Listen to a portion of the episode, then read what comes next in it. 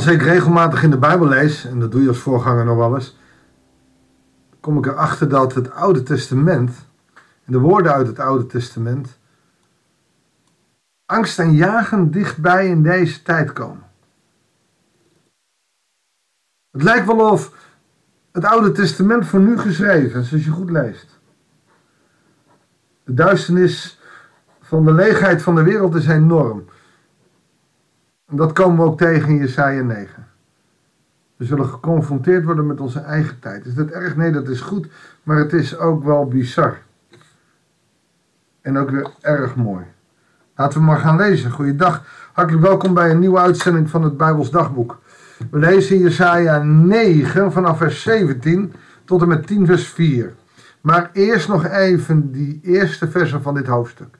Want in die context staat dit gedeelte. Het volk dat in duisternis ronddoolt, ziet een schitterend licht. Zij die in het donker wonen, worden door een helder licht beschenen. Lezen vanaf vers 17 over het volk dat in duisternis wandelt. Godloosheid woedt als een verterend vuur. Dorens en distels verbranden, het bos vat vlam en alles verdwijnt in dikke rook. De toorn van de Heer van de hemelse machten zal het land dat in duisternis hullen. Het volk dat ten prooi valt aan het vuur, de mensen zullen elkaar niet ontzien. Als je nou nadenkt over de huidige tijd. En je denkt bijvoorbeeld, hè, als je in Nederland woont, dan ziet het er allemaal weer goed uit. Er is uh, geen epidemie weer. Er zijn wel veel mensen in het ziekenhuis gaan, maar uh, en sommigen krijgen het ook en hoesten nog een poosje na. Maar de meesten leven alweer alsof het nooit gebeurd is. De vakanties worden geboekt. Pakken een terrasje, gaan uit eten en leven het leven zoals altijd ervoor. En we hebben God niet nodig, want God was er ook niet in de pandemie.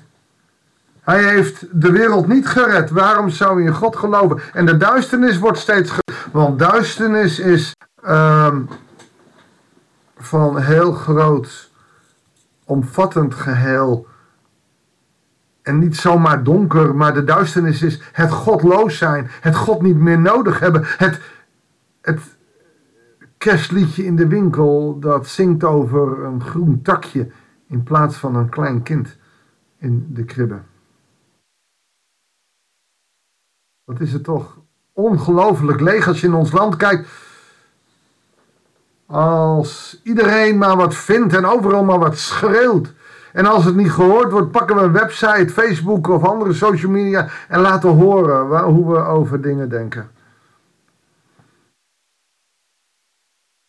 Het volk dat in duisternis leeft, ziet een groot licht, maar zien ze een groot licht. En ben jij en ik wel degene die dat licht in deze wereld uitstralen?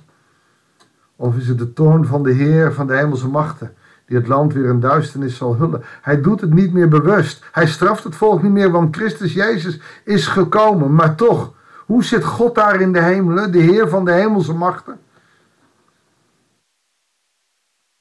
Mensen zullen elkaar niet ontzien. Men bijt naar rechts, maar de honger blijft. Men hapt naar links, maar raakt niet verzadigd. Oftewel, we gaan rechts op vakantie en links een terrasje. Maar we raken niet verzadigd. We worden niet gelukkig. We worden niet vol. Waarom? Omdat we het verkeerde zoeken. Net als Israël zoeken we het niet bij God, maar zoeken we het bij wereldse dingen. Zelfs het vlees van een verwante eten zei. Ja, wat ze daarmee bedoelen is gewoon, weet je, je zoekt het in de extreme. In het voorbeeld van Israël is dat Manasse eet Ephraim, oftewel neemt zijn land over en Ephraim Manasse weer. Ze staan elkaar naar het leven, ze zijn niet meer in liefde, ze, ze roddelen over elkaar, ze praten over elkaar, ze vinden wat en moeten dat ook zeggen. En samen storten ze zich op Juda en dat zal niet goed komen, maar nog is Gods woede niet bekoeld. Nog is zijn hand tegen hen opgeheven. En het volk dat in duisternis leeft, ziet een groot licht. Maar als je ziet dat in de tijd van Jesaja deze woorden op Israël worden afgevuurd, dan zien ze geen groot licht. En wie zal er dan komen? Want een kind is ons geboren, een zoon is ons gegeven. Des te meer het nodig dat je je hart richt op Jezus.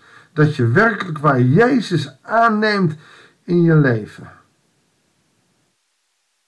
Want deze wonderbare raadsman, sterke God, eeuwige Vader, vredevorst, wordt niet gezien. Het is een bemoeial.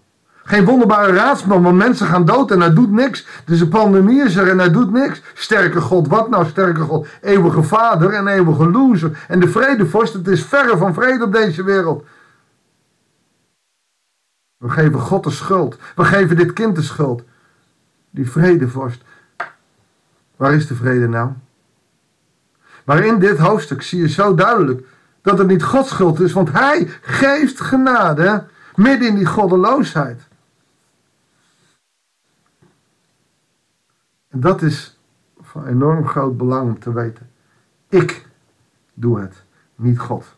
Wij doen het, niet God.